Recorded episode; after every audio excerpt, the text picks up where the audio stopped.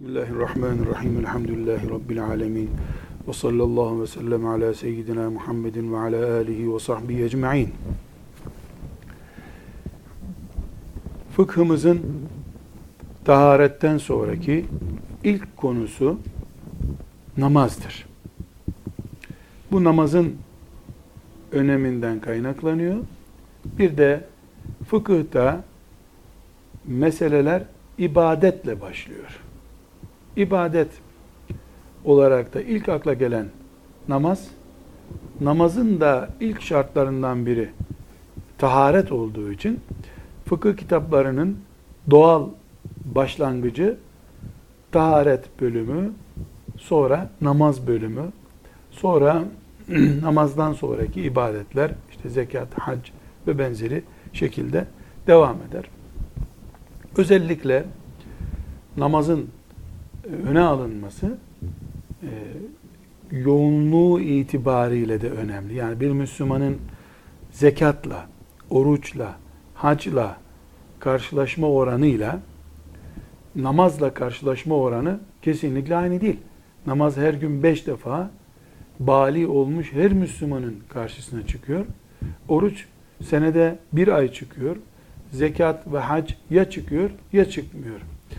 Bu nedenle e, namaz bilgisi, namaz şuuru e, bir Müslüman için e, ilk sıradan bir ibadet kıvamı oluşturduğundan e, şeriatımız fıkıh sistemini taharet, namaz üzerine oluşturmuştur.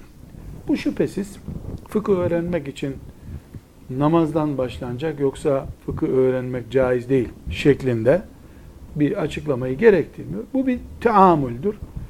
E, yüzlerce seneden beri yazılan binlerce fıkıh kitabında böyle bir usul izlenmiştir. Şüphesiz çok bereketli kıvamında bir usul olduğu için de e, bizim de buna devam etmemiz, bu teamülü devam ettirmemizde bereket vardır. Namaz deyince ibadet konuşuyoruz. Ancak bir parantez açıp ibadet kelimesine bir izah getirmemiz gerekiyor. Biz Müslüman olarak ibadet deyince Allah'a kulluk olan her şeyi anlamalıyız. İbadet Allah'a kulluk etmek, ubudiyet demektir. Abd, abd kul demek. İbadet abdlik yani kulluk yapmak demek. Bunun için biz ibadet kelimesini geniş düşündüğümüz zaman bir Müslümanın çoluk çocuğunun rızkını temin etmek için çalışmasının da nasıl ibadet sayıldığını görüyoruz.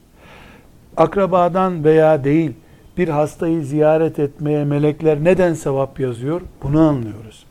Emri bil ma'ruf ve nehyanil münker yapınca nasıl Allah'ın rızası kazanılıyor? Bunu anlıyoruz. Yani bir Müslümanın evlenmesinin cihat olması ne sayesinde oluyor? Bunu anlıyoruz. Nasıl Allahu Teala evlenen, nikahlanan iki kuluna e, namazdaki gibi, oruçtaki gibi ibadet yapıyor nazarıyla bakıyor. Bunu buradan çıkarıyoruz. Eğer ibadeti sadece namaz, oruç, hacla kısıtlayacak olursak e, büyük bir hazinenin bir avucuyla uğraşmış oluruz. Yani bu as, bu mantık yani ibadeti sadece namaz olarak görmek, oruç olarak görmek mantığı e, insanların dini, Allah'ın dinini, şeriatını hayatın küçük bir bölümüne sıkıştırma meylinden kaynaklanıyor. İnsanlar Allah'ın dinini akşamdan sabaha, sabahtan akşama kadar insan ayağının bastığı her yerde geçerli, realiter bir hakikat olarak görmek yerine dini camilere daraltmak, camiye gidemeyenler de evlerindeki seccadeye daraltmak şeklinde özetlenecek bir anlayış sahibidirler. Bu anlayış ibadeti camiye daraltıyor. Bankaya girip çıkmayı ekonomik bölüm olarak görüyor. Ekonomiyi de ibadetle ilgili görmediği için faizle savaşılma ihtiyacı hissedilmiyor.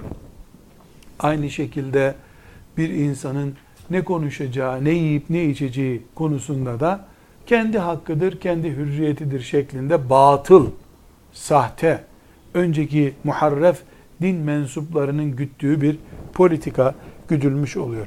Hayır, biz ibadeti hayatımızın var olma nedeni olarak görürüz ve inanırız ki ibadet kalbimizin huzurudur. Allah'a imanımızın gereğidir. Ben nerede mümin olarak bulunuyorsam orada ibadet mantığıyla bulunurum. İbadet lezzetiyle bulunurum. Hasta ziyaret ederim böyle. Tedavi ederim, tedavi olurum böyle. Ev yaparım. Çocuklarımı toplar, evimde bir akşam yeni evimizde şöyle bir oturalım çocuklar derim. Camiye namaza gitmiş gibi ibadet içinde olduğumu düşünürüm.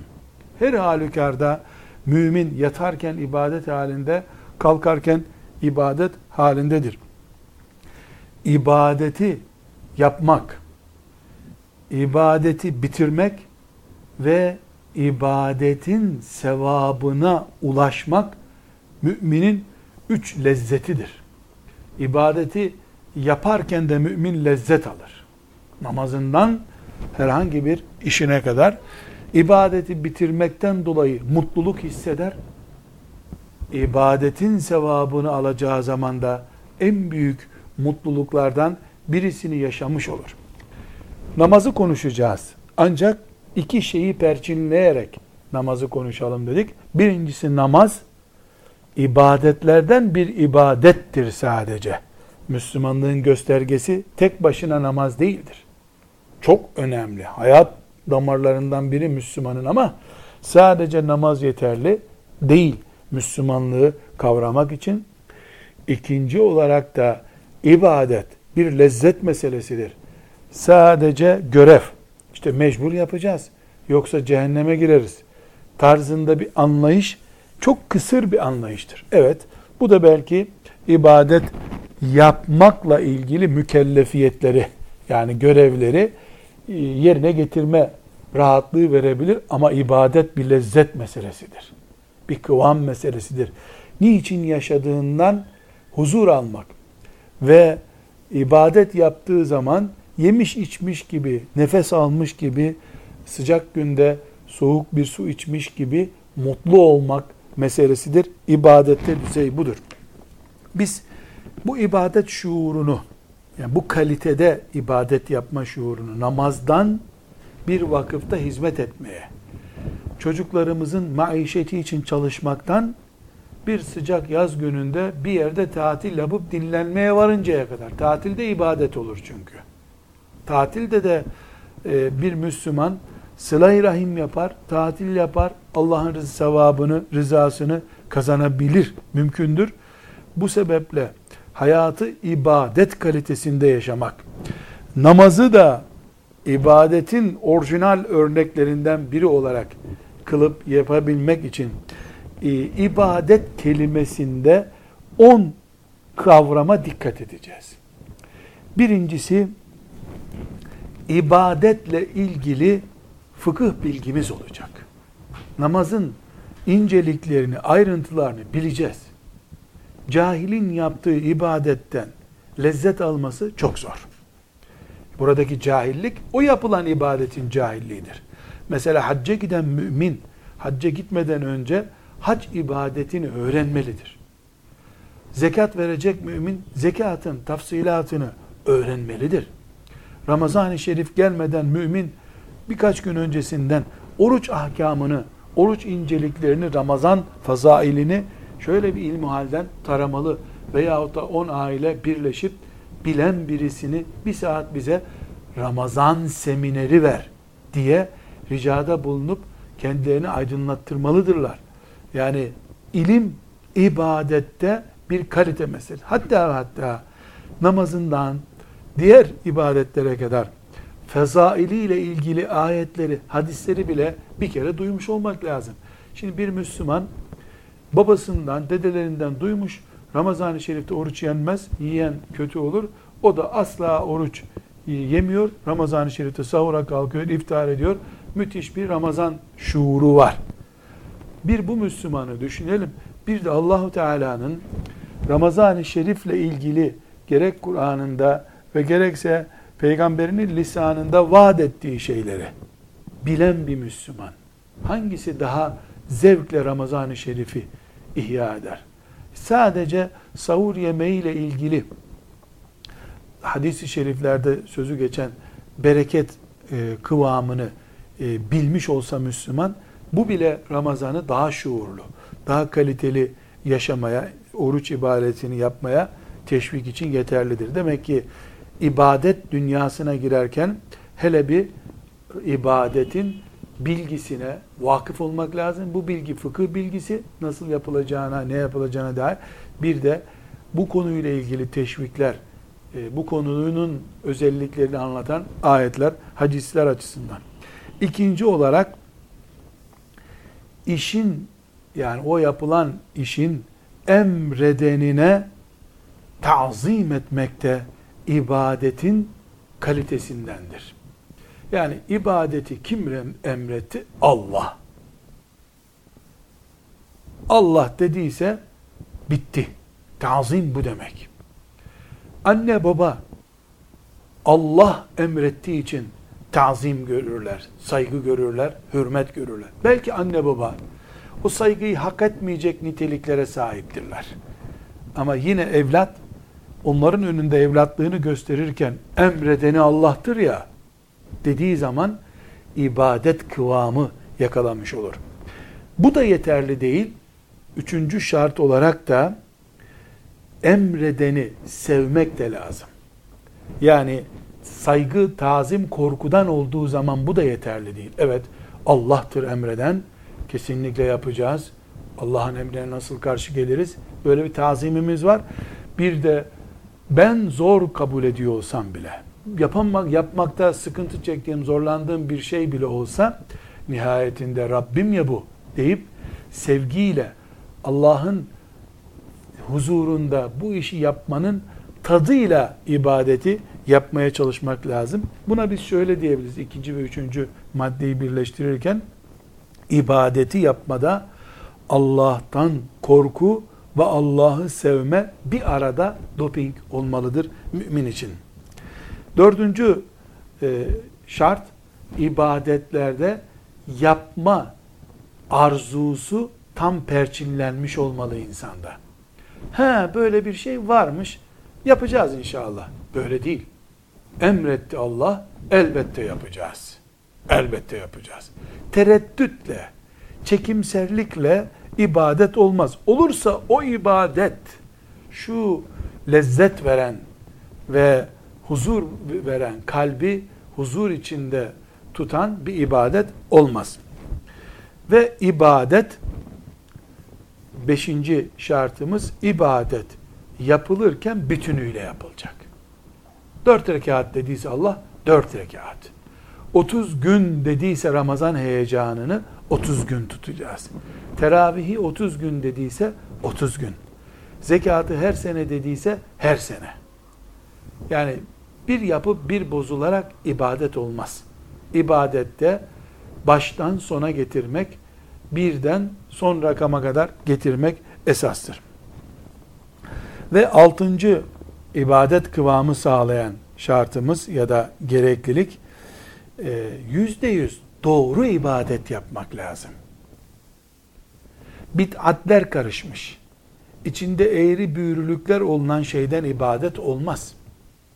Ya mesela namaz kılıyorsan, namazın iftidah tekbirinden selamına kadar sünnete uygun, emredildiği şekilde olması lazım.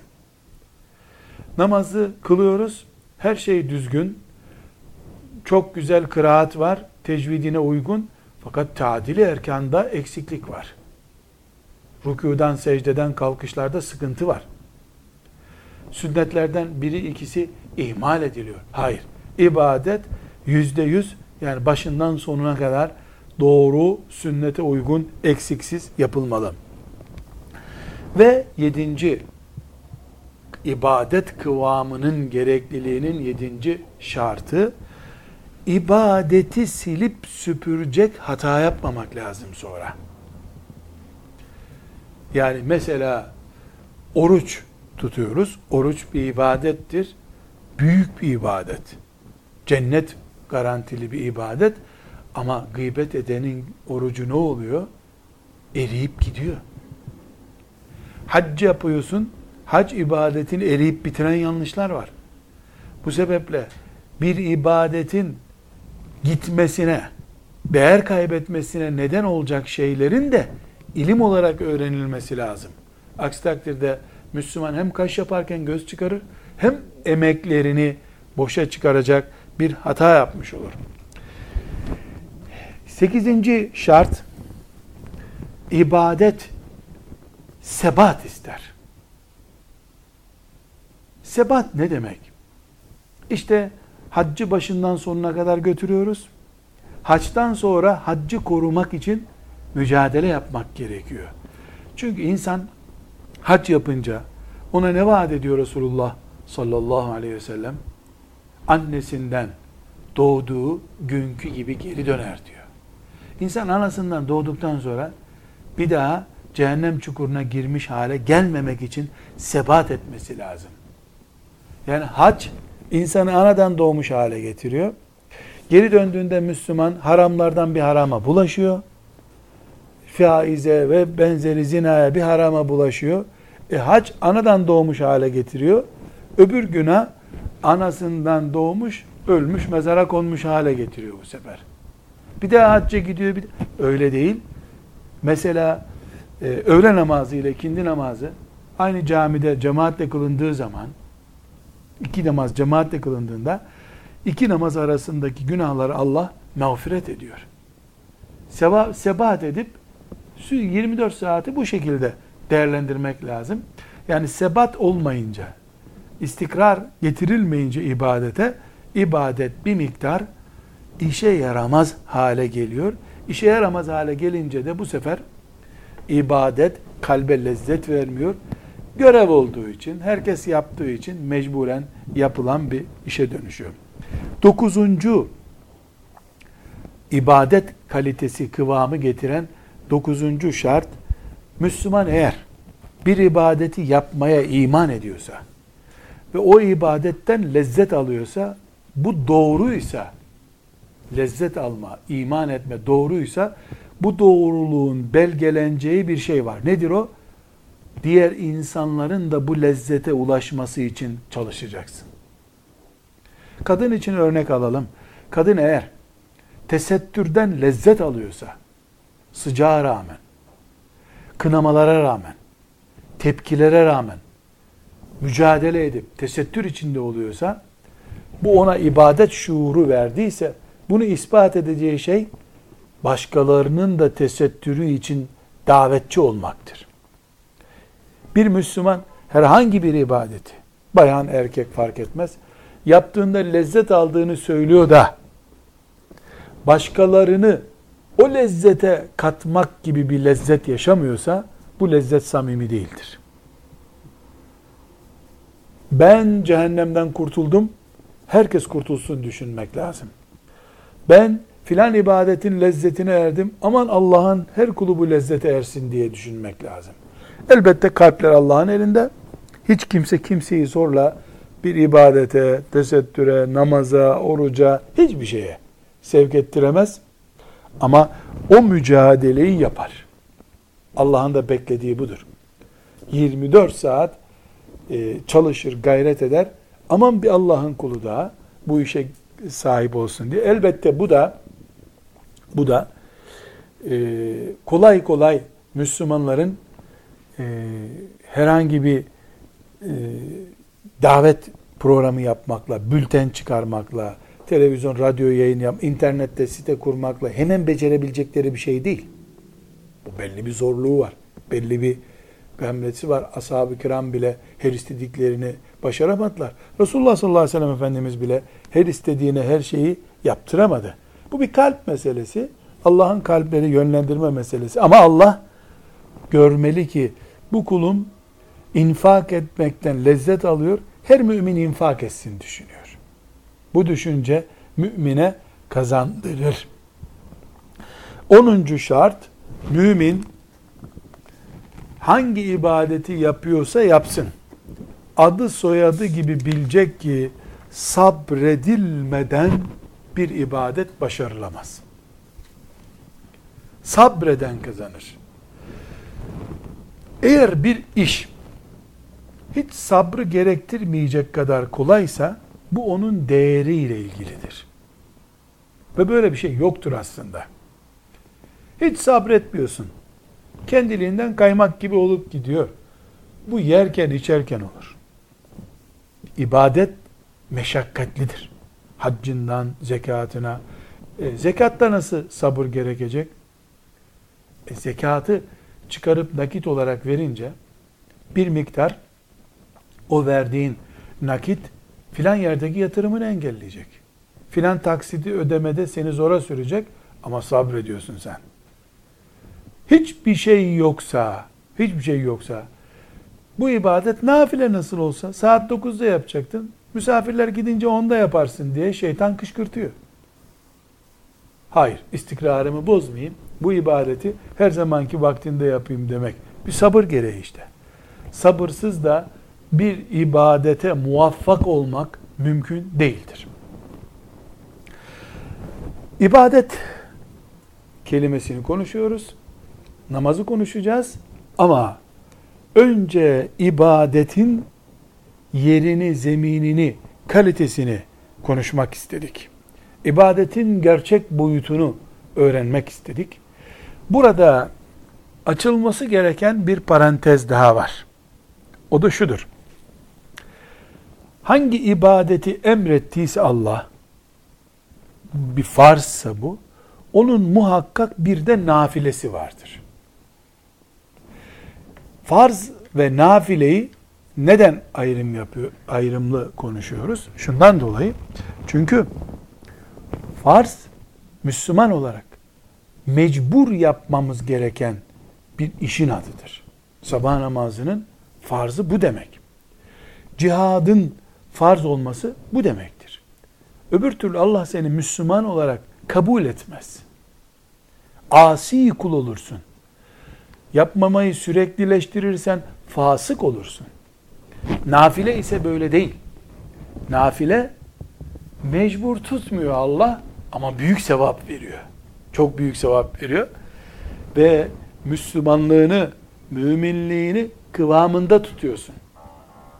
Sadece farzları yerine getirmekle Müslüman e, mesuliyetten kurtulur. Yani bir Müslüman hiçbir nafile yapmadan, hiçbir sünnet namaz kılmadan, sadece farz namazları kılarak, sadece farz haccı yaparak, sadece farz olan anaya babaya itaati yaparak, sadece bunları yaparak yetinmiş olduğunu varsayalım. Böyle böylece de öldü. İman var, hiçbir farz borcu yok. Bu mümin cennete girer mi? Kesinlikle girer. Çünkü nafile mecbur değil demiştik. Ama bir mümin nafileleri yapmadan, nafile olmadan böyle yaşayıp ölebilir mi? Çok zor. Bunun örneği yok. Bunun örneği yok. Bu tıpkı neye benzer? Bir ağacın sadece meyve bulunan dallarını bırakıp gerisini yontmaya benzer. Hangi dalında elma görüyorsan o ucu bırakıyorsun, gerisini hep kesiyorsun. Bir hafta sonra o ağacın kurumaması mümkün değil. Bunun için nafileler yok sayılabilir şeyler değil. Ama asla nafileler hayat da değil. Hayat farzdır. Farzlardır. Şöyle bir benzetme de yapmamız mümkündür. Bir ticaret erbabını düşünün. Ticaret yapan birisini. Farzlar onun sermayesidir. Nafileler de o sermaye üzerinden kazandığı karlardır. Bir tüccar dükkanını açtığı gün mal dolu deposu, dükkanı mal dolu, hiçbir şey satamadı. Zarar etmez ki. Kar etmemiş olur. Zarar etmez. Aynı zenginlik onunla bekliyordur. Ama eğer bol müşteri gelip de satıp kar etseydi sermayesinin üstüne kar koymuş olacaktı. Gelmeyince müşteri satmayınca o zenginliği üçtü, üç olarak devam eder. Fakat dükkanındaki sermayeyi gelip birisi çalacak olsa sermayesi azalmış olur. Üçtü zenginliği iki buçuğa düşer. On, çalıntıdan önceki zenginlik devam etmez. Bunun için farzlar Müslümanın sermayesidir. Nafileler ise Müslümanın karıdır. Karsız bir hayat olmaz elbette. Ama asıl önemli olan sermayeyi, ana yatırımı korumaktır. Asıl e, gaye odur. Bir husus bu nafilelerle ilgili namaz konusuna geçmeden önce e, bu nafileler dedik ki ne farz olarak varsa onun nafilesi de vardır muhakkak. Cihadın farzı var, nafilesi var. Namazın farzı var, nafilesi var. Sadakanın farzı var, nafilesi var. Biz her ibadetten nafile yapabiliriz. Yapmamız mümkün. Herhangi bir e, kaybımız olmaz. Fakat hangi nafile daha değerlidir? Farzlarda böyle bir değerlendirme yapamıyoruz. Öğle ezanı okununca öğleyi kılmak zorundayız. Ramazan-ı Şerif gelince orucumuzu tutmak zorundayız. Ama bir Müslüman nafile namaz da kılabilir, nafile oruç da tutabilir, nafile infakta yapabilir. Tercihini nasıl yapacak? Nafilelerde tercih yapmamız mümkündür. Burada diyoruz ki, nafile ibadetler yapana, zamana ve nafilenin çeşidine göre değişir. Siyasi aklı iyi olan biri o alanda nafile bir hizmet yaparak nafile ibadet yapar. Ağzı iyi söz yapan biri Allah yolunda emri bil maruf, nehyanil münker yaparak nafile ibadet yapar. Sağlığı sıhhati yerinde olup işi gücünü aksatmayacak birisi nafile oruç tutarak o nafile ibadetten kazanır. Zengin, varlığı yerinde birisi nafile infak yaparak o bakımdan kazanır. Eğer eğer Müslümanların fıkıh bilgisi zayıfladı, Kur'an ve sünnet anlaşılmıyor zamanı geldiyse en büyük nafile o zaman masaya oturup tefsir okumak, Kur'an okumak, hadis okumak, fıkıh öğrenmek olur. Yani Müslümanların abdestin farzlarının, sünnetlerini bile bilemedikleri bir zamanda en önemli nafile Müslümanların çocuklarına abdest öğretmek olur. İhtiyaca göre, zamana göre diye bir ayrım yapabiliriz.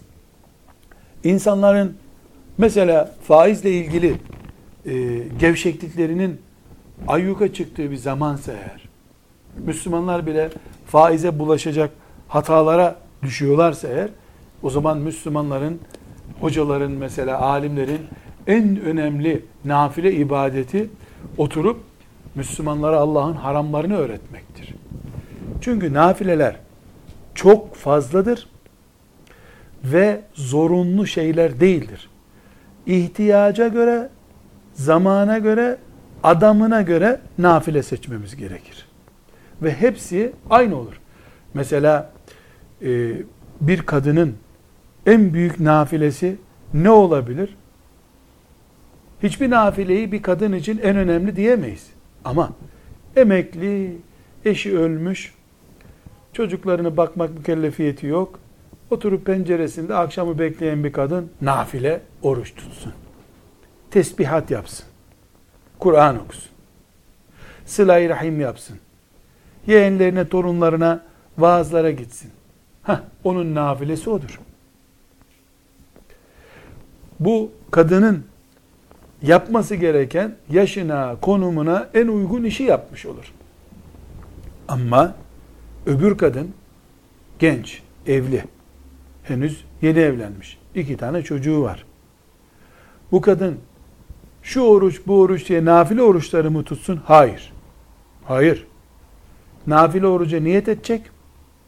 Ondan sonra da ikindiden sonra şekeri düştüğü için e, kan şekeri düştüğü için ikinden sonra iki yaşında çocuğunu ayaklarının altına alıp dövecek. Keşke hiç oruç tutmasaydı. Hiç oruç tutup o vebale girmeseydi. E diyorlar ki nafile oruç çok önemliymiş. İşte filan pazartesi orucu önemli. Ee, inşallah sen de çocuklarını evlendirirsin. Camın kenarında oturduğun zaman sen de nafile oruç tutarsın. Nafileleri daraltmamak lazım.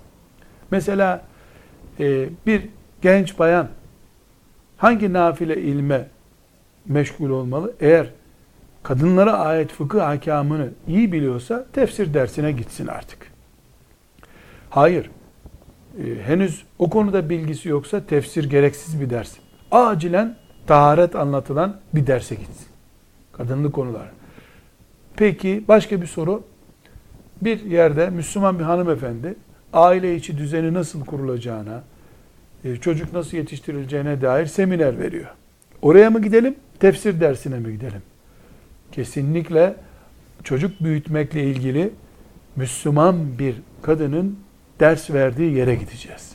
Oradan sertifikamızı alırsak tefsir dersine gideceğiz. Neden? Çünkü nafilelerden ihtiyacımıza göre, konumumuza göre tercih yapıyoruz. İmanımız bunu gerektiriyor. Şuurlu bir şekilde din yaşamak bunu gerektiriyor. Namaz için de geçerli bu. Yani mesela işrak namazı çok mühim sünnetlerdendir. Ya sabah namazından mesela bir saat sonraki vakit çok mühim bir sünnet. Yani çok büyük sevaplar var. Çok büyük ecirler var. Bir hanımefendi e, işrak namazı kılmak için abdest alacak, e, odasına geçecek, namaz kılacak, üstünü başını toparlayacak. Bu onun 20 dakikasını alıyor diyelim. O arada da çocuğu uyandı, ağlamaya başladı çocuk. Olmaz, işrak namazı vakti geçiyor. Çocukla bir uğraşırsam, şimdi bu namazı kaçırırım mı diyecek. Hayır. İşrak namazı nafiledir. Çocuğu ilgilenmek, çocuğa bakmak ise onun için farzdır. Böyle bir tercih yapılamaz.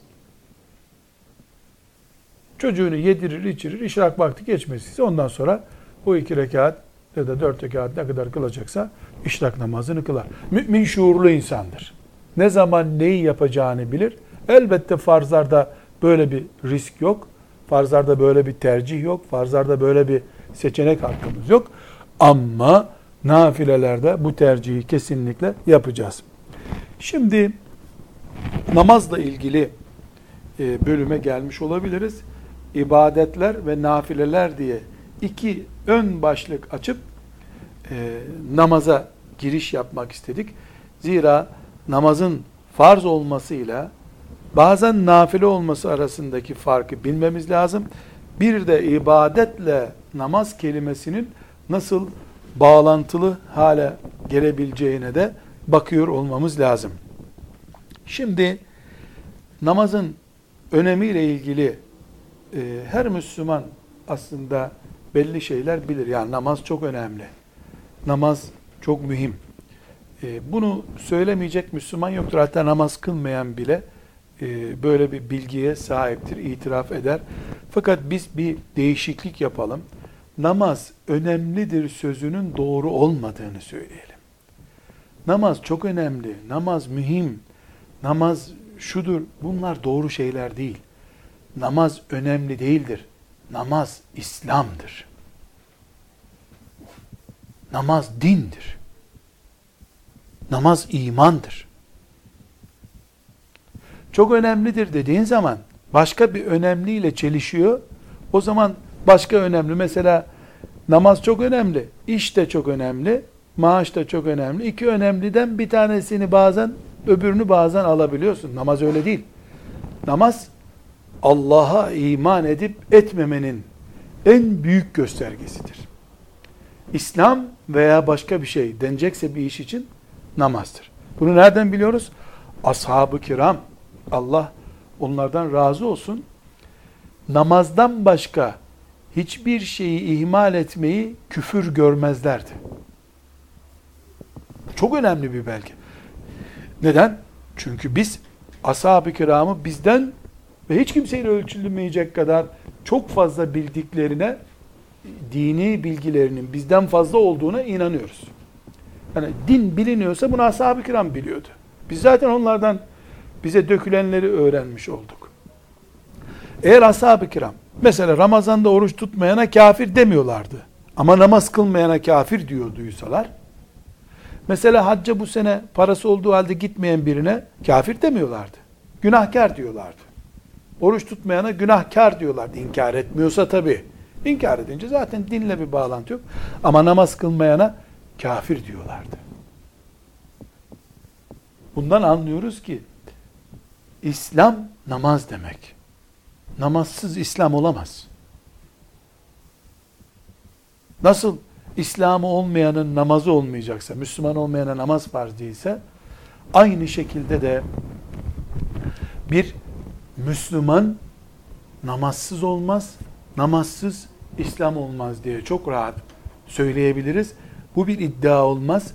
Elimizde din olarak bulunan bütün belgeler bu yönü gösteriyor. Aleyhissalatü vesselam Efendimiz e, namazı dinin direği olarak e, göstermiştir. E, bu hadis-i şerifler çok yaygın bir şekilde meşhurdur. Mesela e, en meşhur hadislerden bir tanesinde Aleyhisselatü Vesselam Efendimiz kıyamet günü ilk sorgulamanın namaz üzerinden olacağını söylüyor. İlk hesap namazdır ki. Tabi kafire hesap yok. Hesaplar hep Müslümana. Yani Müslüman hesap verecek. İlk hesap verirken de Müslüman e, namazla başlayacak. Hadis-i şerif çok e, anlamlı bir mesaj ihtiva ediyor. E, buyuruyor ki e, kul ilk defa e, namazla hesaba çekilecek. Eğer namazla e, işini kolay bitirirse yani namaz hesabını kolay bitirirse diğer hesabı da kolay olacaktır. Eğer namazda zorlanırsa yani namazın hesabını veremezse demek ki öbür bölüme geçişi de çok kolay olacak. Yani çok kolay olmayacak. E, oruçtu, haçtı filan hepsi namazdan sonra namazdan bir barajı geçiyor olmanı istiyor Allahu Teala. Aynı şekilde e, çok önemli bir husus İslam'ı dert edinenleri ilgilendiren bir husus bu eğer bir Müslümanın İslam'ın yeryüzünde var olması ile ilgili bir derdi varsa dikkat etmesi gereken bir husus. Efendimiz sallallahu aleyhi ve sellem buyuruyor ki İslam'ın halkaları bir bir çözülecektir diyor. Bir halka çözülünce öbür halkayı tutacak insanlar o halka çözülünce öbürünü tutunacaklar. En sonda namaz halkası çözülecektir diyor. Ne demek halka çözülmesi? Yani İslam'ı simgeleyen insanların İslam diye yaşadığı şeyler var. Ee, bunun hepsi e, tek tek çözülecek. İşte siyaset çözüldü. Müslümanlar siyaseti e, İslam dışı görmeye başladılar. Haramlarda çözülme başladı. Zina yaygınlaşıyor. Ama en son namaz çözülecek. Namazın çözülmesi ne demek? Müslümanlar namaz kılmakla kılmamak arasında bir fark görmeyecekler. Yani kılıyor veya kılmıyor aynı şey gibi e, maazallah gö- görecekler. Bu tabi e, bize neyi işaret ediyor? Yani hala camiler var, ezanlar okunuyor, namaz kılınıyorsa İslam diye varız elhamdülillah. Yani İslam iddiamız söz konusu olabilir. Allah bizi hala Müslüman olarak kabul ediyor demektir bu. Lakin bir gün namazsız Müslümanlıkta olacaktır. O zaman İslam kalktı demektir. Çünkü son halka İslam'dır. fertlere de indirgeyebiliriz bunu. Bir Müslüman yani faize bulaşmıştır, zinaya karışmıştır. Bunlar hepsi halkaların çözüldüğünü gösteriyor. İslam'ı simgeleyen şeyler çözüldüğünü gösteriyor. Ama hala namaz kılıyorsa elhamdülillah hala Müslüman. Namazda gittiyse lafı kaldı Müslümanlığın gerisi gitti demektir. Bunu da aleyhissalatü vesselam Efendimiz bize işaret etmiş oluyor. Bir başka namazla ilgili çok önemli bir gösterge Resulullah sallallahu aleyhi ve sellem Efendimizin son sözünün namaz olmasıdır. Son sözü yani namaz namaz ve elinizdekilere dikkat edin, namaz namaz ve elinizdekilere dikkat edin deyip ümmetine son vasiyetini yapıp gitmiştir. Bu da çok önemli. Yani bir peygamberin e, allah Teala'nın söyle dediklerini söylemek için geldiği bir dünyada en son söylediği sözler çok büyük önem arz ediyor. Çok büyük. Normal bir önem değil. Bu sebeple Müslümanlar namazı değerlendirirken bu pencereye dikkat etmelidirler. Bir başka husus e, bir önceki hadisi şerifte de dikkat ettik. Namaz konusunda Allahu Teala'nın dinine bağlılık e, namazla birleştiğinde son kopacak halka deniyor. Kur'an-ı Kerim'de Nisa suresinin 142. ayetinde bir başka açıdan bu önümüze e, konuyor.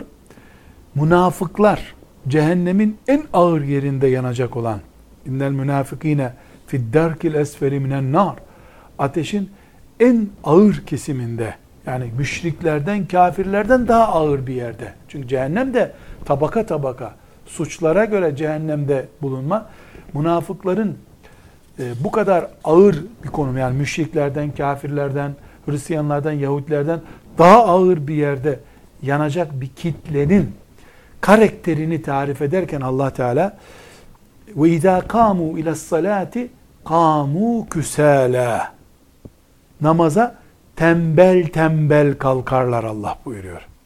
Çünkü namaz kılmasa Müslümanlık numarasını yutturamayacak. Aslında namazı kılmıyor.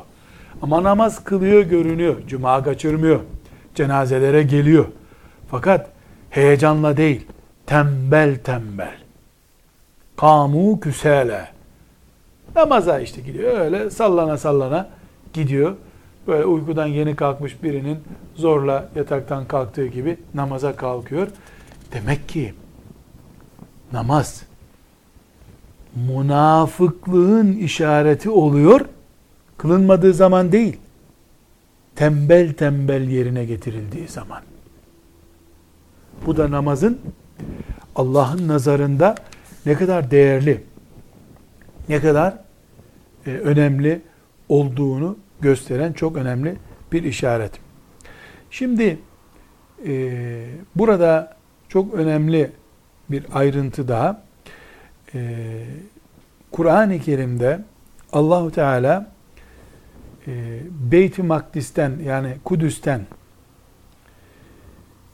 Mekke'ye, Kabe'ye doğru kıble döndüğü zaman e, bu işte Bakara suresinde Allahu Teala 143. ayette e, bunu anlatıyor. Münafıklar veya müşrikler işte o güruh ya siz zaten öyle kılıyordunuz diye böyle döndünüz ki.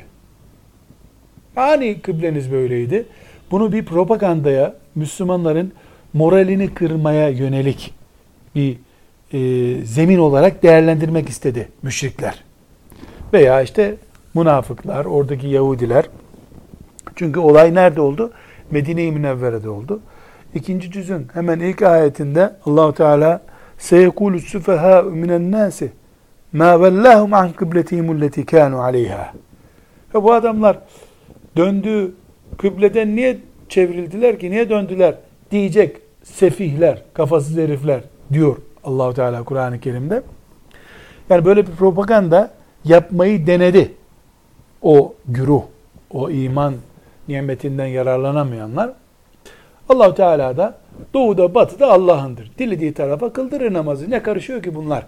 diye cevap verdikten sonra Şimdi Müslümanların zihninde küçük bir endişe kalmış olabilir. Madem kıble bundan sonra Kabe oldu, e biz şimdiye kadar Kudüs'e doğru kılıyorduk. O namazlar ne oldu? Acaba onlar iptal mi oldu? Yeniden mi kılacağız namazları? Yani ashab-ı kiramın böyle çok dillendirdiği bir şey değil ama böyle bir vesveseye Allah Teala cevap verirken yani eski namazlarımız ne olacak? Eski namazlarımız ne olacak şimdi biz? Bir sürü namaz kıldık Mescid-i Aksa'ya doğru. Şimdi Kabe'ye döndük. Ne kadar kıldı? Aşağı yukarı 3 sene 4 sene öyle namaz kıldı ashab-ı kiram. Kudüs'e, Mescid-i Aksa'ya doğru. Şimdi buna ne cevap veriyor Allah? وَمَا كَانَ اللّٰهُ لِيُضِيعَ اِيمَانَكُمْ Allah sizin imanınızı zayi edecek değildir. Konu neydi? Kudüs'e doğru kılınmış namazlar ne olacaktı? Allah bunu nasıl dillendirdi? وَمَا كَانَ اللّٰهُ لِيُضِيعَ اِيمَانَكُمْ Allah sizin imanınızı zayi edecek değildir. E, kıblede namazı konuşuyorduk. Bu namazlar ne olacak diye sorduk adeta. Allah biz namazlarımız ne olacak Kudüs'e doğru kıldıklarımız dedik. Allah cevap verdi. İmanınızı zayi edecek değildir Allah dedi. Demek ki Allah namazı iman olarak görüyor. Bunun için işte namaz kılmayan kafirdir diyor Ahmet bin Hanbel Veya filan Ahmet. Namaz kılmayan kafirdir derken hepten böyle kafadan bir söz atmıyorlar. Çünkü Allah namazı konuşurken bu namazlar buraya kılınıyordu bundan sonra böyle kılınacak dedikten sonra وَمَا كَانَ اللّٰهُ لِيُضِيعَ اِيمَانَكُمْ Allah sizin imanınızı zayi edecek yani boşa çıkaracak değildir. Yani o güne kadar kıldığınız namazlarınızı boşa çıkarmayacak Allah. Onları da namaz kabul ediyor. Her ne kadar şimdi Kabe'ye doğru dönüldüyse de Mescid-i Aksa'ya doğru kıldığınız namazlarınızı da Allah kabul edecektir. Hiç merak etmeyin diyor Allahu Teala. Buradan da anlıyoruz ki bu dinde namaz ibadet filan değil, iman. Dinin ta kendisi. Bu da çok önemli bir husus olarak karşımızda duruyor. Çünkü e, Müslüman herhangi bir şekilde namazı işte ibadet, çok önemli bir ibadet diye görürse ona başka önem verir. Ya namaz ya da küfür diye görürse ona başka bir önem verir. Biz bu incelikleri komaya girmiş hastaya bile neredeyse namazın emredilmesinde de görüyoruz. Hiçbir şekilde abdest alamadım filan bir engel tanımıyor Allah Teala. Cünübüm ben su yok. Muhakkak kılacaksın, teyemmüm edip kılacaksın diyor. Bu burada görüyoruz. Yani herhangi bir şekilde namaza Allahu Teala'nın hiçbir şekilde taviz vermediğini illa kullarını namazda görmek istediğini anlıyoruz. Buradan da kendi kendimize alim olmasak bile hüküm çıkarıyoruz ki Allah'ın nazarında namaz demek İslam demek. Namaz yoksa İslam yok.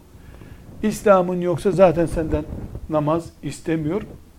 Biz işi vesaireyi namaz hususunda e, engel kabul edemeyiz. Bir örnek sadece zihnimizde yer etsin diye konuşalım. Yıllarca memleketimizde e, kızlarımızın başörtüsünün okula engel olması diye bir konu konuşuldu. Dileriz inşallah e, ilkokulundan üniversiteye kadar böyle bir sorunun kalmadığı günleri de Allah bize gösterir. Ama ama kızların başörtüsünden belki yüz kat daha önemli olan namazı lisede akıl bali olmuş çocuklar kaçırıyor. Bu lise cuma namazı da kaçırttırıyor insana diye bir dert hala duymadık. Halbuki başörtüsü İslam demek değil.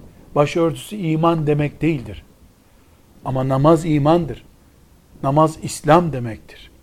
Evet başörtüsünden taviz verilsin. Nauzu billah. Böyle bir cümle kimse demez.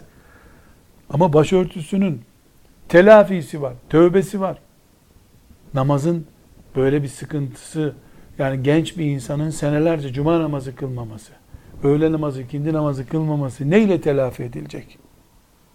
Hadi öğle ikindi, akşam geldi, kaza etti. Hadi diyelim hani böyle kaza olur mu? Bu ne biçim kaza bu? Ama kaza etti diyelim. Cuma namazları ne olacak? Biz demek ki namaz konusunu daha ciddi, daha önemli, daha Allah'ın tanıttığı gibi, peygamberinin tanıttığı gibi tanımak zorundayız. Velhamdülillahi Rabbil Alemin.